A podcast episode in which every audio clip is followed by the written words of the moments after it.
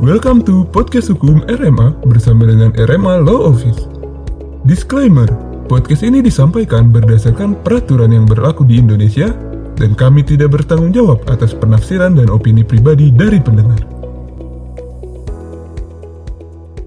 Halo pendengar podcast RMA, kembali lagi bersama saya Pandapatan Pintu Batu dari RMA Law Office yang menjadi host episode ke-12 kali ini. Minimnya kesadaran atas data pribadi masyarakat di Indonesia dalam aktivitas penggunaan internet. Southeast Asia Freedom of Expression Network atau SafeNet itu mencatat ada tiga motif pelanggaran data pribadi di Indonesia, yaitu ekonomi, politik, dan ancaman. Pertama, ada jual beli data pribadi masyarakat Indonesia secara ilegal dengan potensi keuntungan dari perdagangan informasi sangat besar dengan contoh perusahaan fintech maupun lending memiliki data transaksi pengguna dan bisa saja diperdagangkan. Kedua, mengumpulkan data pribadi untuk diperlihatkan ke publik. Dan yang ketiga, menggunakan data pribadi untuk mengancam orang lain. Minimnya kesadaran atas data pribadi ini adalah latar belakang tema podcast kita kali ini. Sebenarnya bagaimana ketentuan terhadap data pribadi? Langsung saja masuk kepada pembahasan di mana kami memperoleh beberapa pertanyaan mengenai perlindungan data pribadi dalam hukum Indonesia, yaitu yang pertama, apa yang dimaksud dengan data pribadi? Kedua, bagaimana perlindungan data pribadi dalam sistem elektronik? Kemudian yang ketiga, apa yang menjadi hak pemilik data pribadi?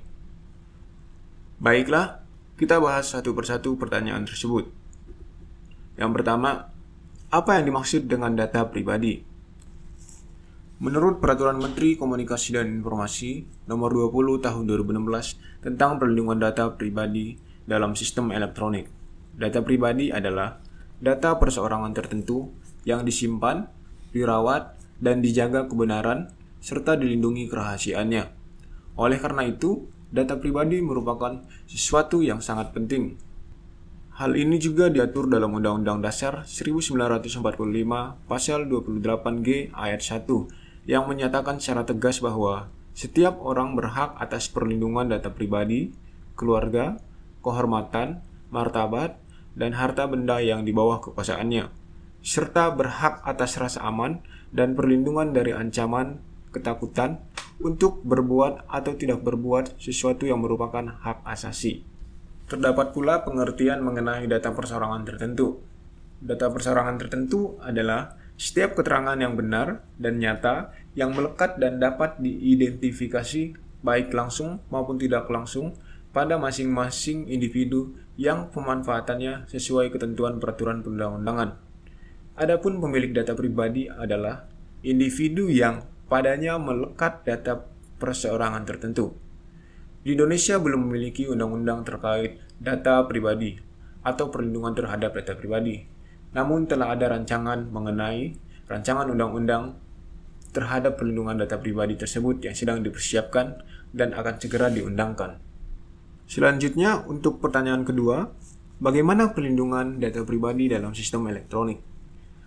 Perlindungan data pribadi dalam sistem elektronik mencakup perlindungan terhadap perolehan, pengumpulan, pengolahan, penganalisisan, penyebarluasan, dan pemusnahan data pribadi yang berdasarkan asas perlindungan data pribadi yang baik meliputi penghormatan terhadap data pribadi sebagai privasi, data pribadi bersifat rahasia sesuai persetujuan dan atau berdasarkan ketentuan peraturan perundang-undangan, kemudian berdasarkan persetujuan, selanjutnya relevansi dengan tujuan perolehan, pengumpulan, pengolahan, penganalisisan, penyimpanan, penampilan, pengumpuman, pengiriman, dan penyebarluasan.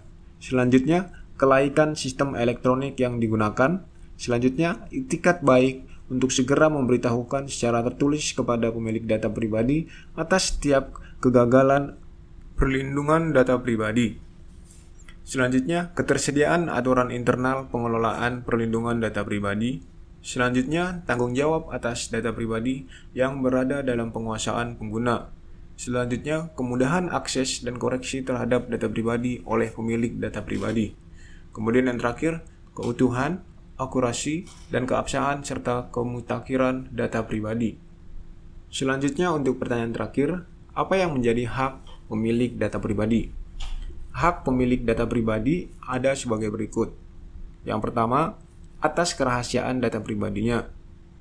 Yang kedua, mengajukan pengaduan dalam rangka penyelesaian sengketa data pribadi atas kegagalan perlindungan kerahasiaan data pribadinya oleh penyelenggara sistem elektronik kepada menteri. Yang ketiga, mendapatkan akses atau kesempatan untuk mengubah atau memperbaharui data pribadinya tanpa mengganggu sistem pengelolaan data pribadi kecuali ditentukan lain oleh ketentuan peraturan perundang-undangan. Keempat, mendapatkan akses atau kesempatan untuk memperoleh historis data pribadinya yang pernah diserahkan kepada penyelenggara sistem elektronik sepanjang masih sesuai dengan ketentuan peraturan perundang-undangan. Kemudian yang terakhir, meminta pemusnahan data perserangan tertentu miliknya dalam sistem elektronik yang dikelola oleh penyelenggara sistem elektronik, kecuali ditentukan lain oleh ketentuan peraturan perundang-undangan. Jadi data pribadi di Indonesia yang belum memiliki payung hukum menjadikan data pribadi sangat rentan dan beresiko di mana dapat digunakan oleh pihak-pihak yang tidak bertanggung jawab karena data tersebut dapat dijual belikan. Selain itu, pemerintah sebaiknya memberikan informasi serta pembelajaran kepada masyarakat atau sosialisasi terkait pentingnya kerahasiaan data pribadi melalui lembaga-lembaga yang berwenang. Apabila suatu saat nanti Undang-Undang Perlindungan Data Pribadi telah disahkan, maka diharapkan juga ada peran yang signifikan dari lembaga-lembaga pemerintahan serta aparat penegak hukum seperti Otoritas Jasa Keuangan, Kominfo, Kemendagri agar terciptanya kerahasiaan data pribadi masyarakat. Demikian pembahasan podcast episode ke-12 kali ini. Semoga berguna bagi pendengar podcast. Terima kasih. Demikian podcast hukum RMA kali ini. Jika ada pertanyaan, silahkan kirim email di office at prastoworma.com atau hubungi 021 8065 7840. Sampai jumpa di podcast hukum RMA selanjutnya.